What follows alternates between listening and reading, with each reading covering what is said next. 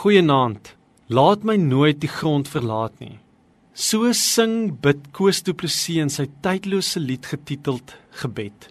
Laat my altyd in die skadu bly. Hierdie woorde van Koos ekho antieke verstaan van ons verhouding met Jesus. Christendom beteken om ingelyf in Christus te wees. Paulus het gereeld geskryf oor om in Christus te wees, onder andere in Romeine 8. Op 'n keer gebruik hy die metafoor van 'n wilde olyfloot wat op 'n mak olyf ingeënt is in Romeine 11. Hierdie metafoor kry hy direk van Jesus. Ek is die wingerdstok en julle die lote wie in my bly en ek in hom dra baie vrugte.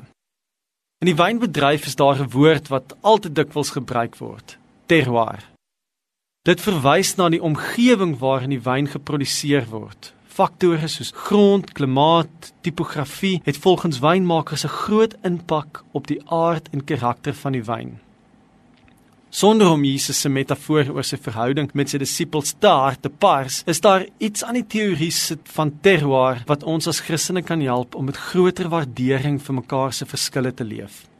In Christus beteken nie dat Christus gekloon is nie. Paulus het iets hiervan verwoord deur te sê dat hy wat Paulus is, vir die Jode soos 'n Jood geword het en vir die Grieke soos 'n Griek. Dit het hy ter wille van die evangelie gedoen. Eenheid in die kerk beteken nie eenersheid nie. Ons kan van mekaar verskil. Ons kan ook die Bybel verskillend interpreteer. Ons kan selfs vir God op verskillende maniere beleef. Dit sê meer oor ons as wat dit oor God sê. Dit sê veral iets oor ons plek, ons grond en ons storie. Ons kan ook 'n gevange van ons grond wees. Ons verwar dikwels ons eie storie saam met God met die storie van God. Here, bevry my van hierdie grond wat my verbeelding so vasgryp sodat ek U op ander plekke kan ontdek en beleef.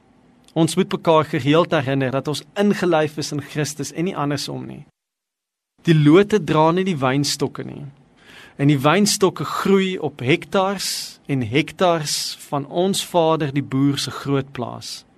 Om so oor mense se stories met God te dink is bevrydend. Dit haal die druk af om mekaar voortdurend te bekeer. Ons kan met sagter oë na mekaar kyk. En ja, ons moet mekaar aanmoedig om vrug te dra, maar ons vrugte hoef nie almal eners te proe nie. Amen.